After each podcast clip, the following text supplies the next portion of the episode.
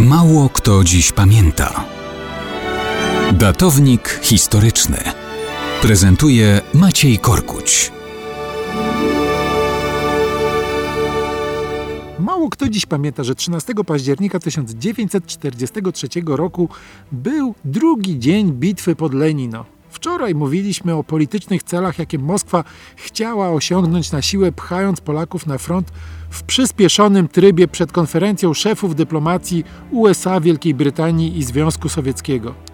Dzisiaj powiemy o przebiegu samej bitwy, którą w PRL oczywiście celebrowano jako wielkie zwycięstwo. W rzeczywistości żadnego zwycięstwa tam nie było. Co Polacy zdobyli, to Niemcy zaraz potem odzyskali. Jak to się stało, że utworzona przez Sowietów pierwsza dywizja piechoty utraciła zdolność bojową po stracie ponad 3000 zabitych, rannych i zaginionych? No cóż, sowiecka taktyka wojny, błędy Berlinga i sowieckich generałów. Zabici i ranni niekoniecznie zresztą byli rażeni z broni niemieckiej. Na tym odcinku sowieckiego frontu panował bowiem gigantyczny bałagan. Ataku dywizji nie poprzedzono odpowiednim przygotowaniem artyleryjskim. Stracono jakikolwiek efekt zaskoczenia. Sowieci pozwolili na całkowitą swobodę lotnictwa niemieckiego.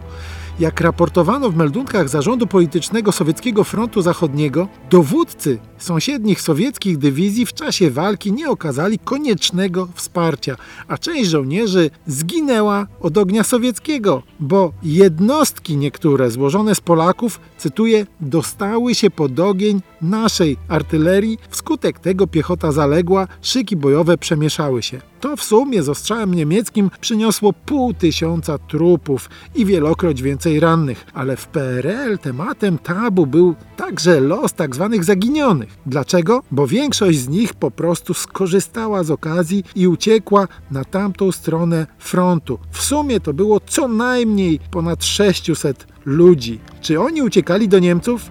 W gruncie rzeczy uciekali gdziekolwiek, byle dalej od Sowietów i bolszewickich porządków. Pamiętajmy, że w większości to byli mieszkańcy Kresów Wschodnich, którzy w 1939 roku Niemców nawet nie widzieli. Widzieli natomiast sowiecką agresję i zbrodnie oraz represję NKWD. Zresztą oni i ich rodziny byli ich ofiarami. Tak więc Lenino to żadne tam dzieje wielkiego zwycięstwa. Raczej dramat losu ludzi wciśniętych między dwa totalitaryzmy. Dramat Polaków, którzy później byli wykorzystywani przez propagandę i niemiecką, i sowiecką.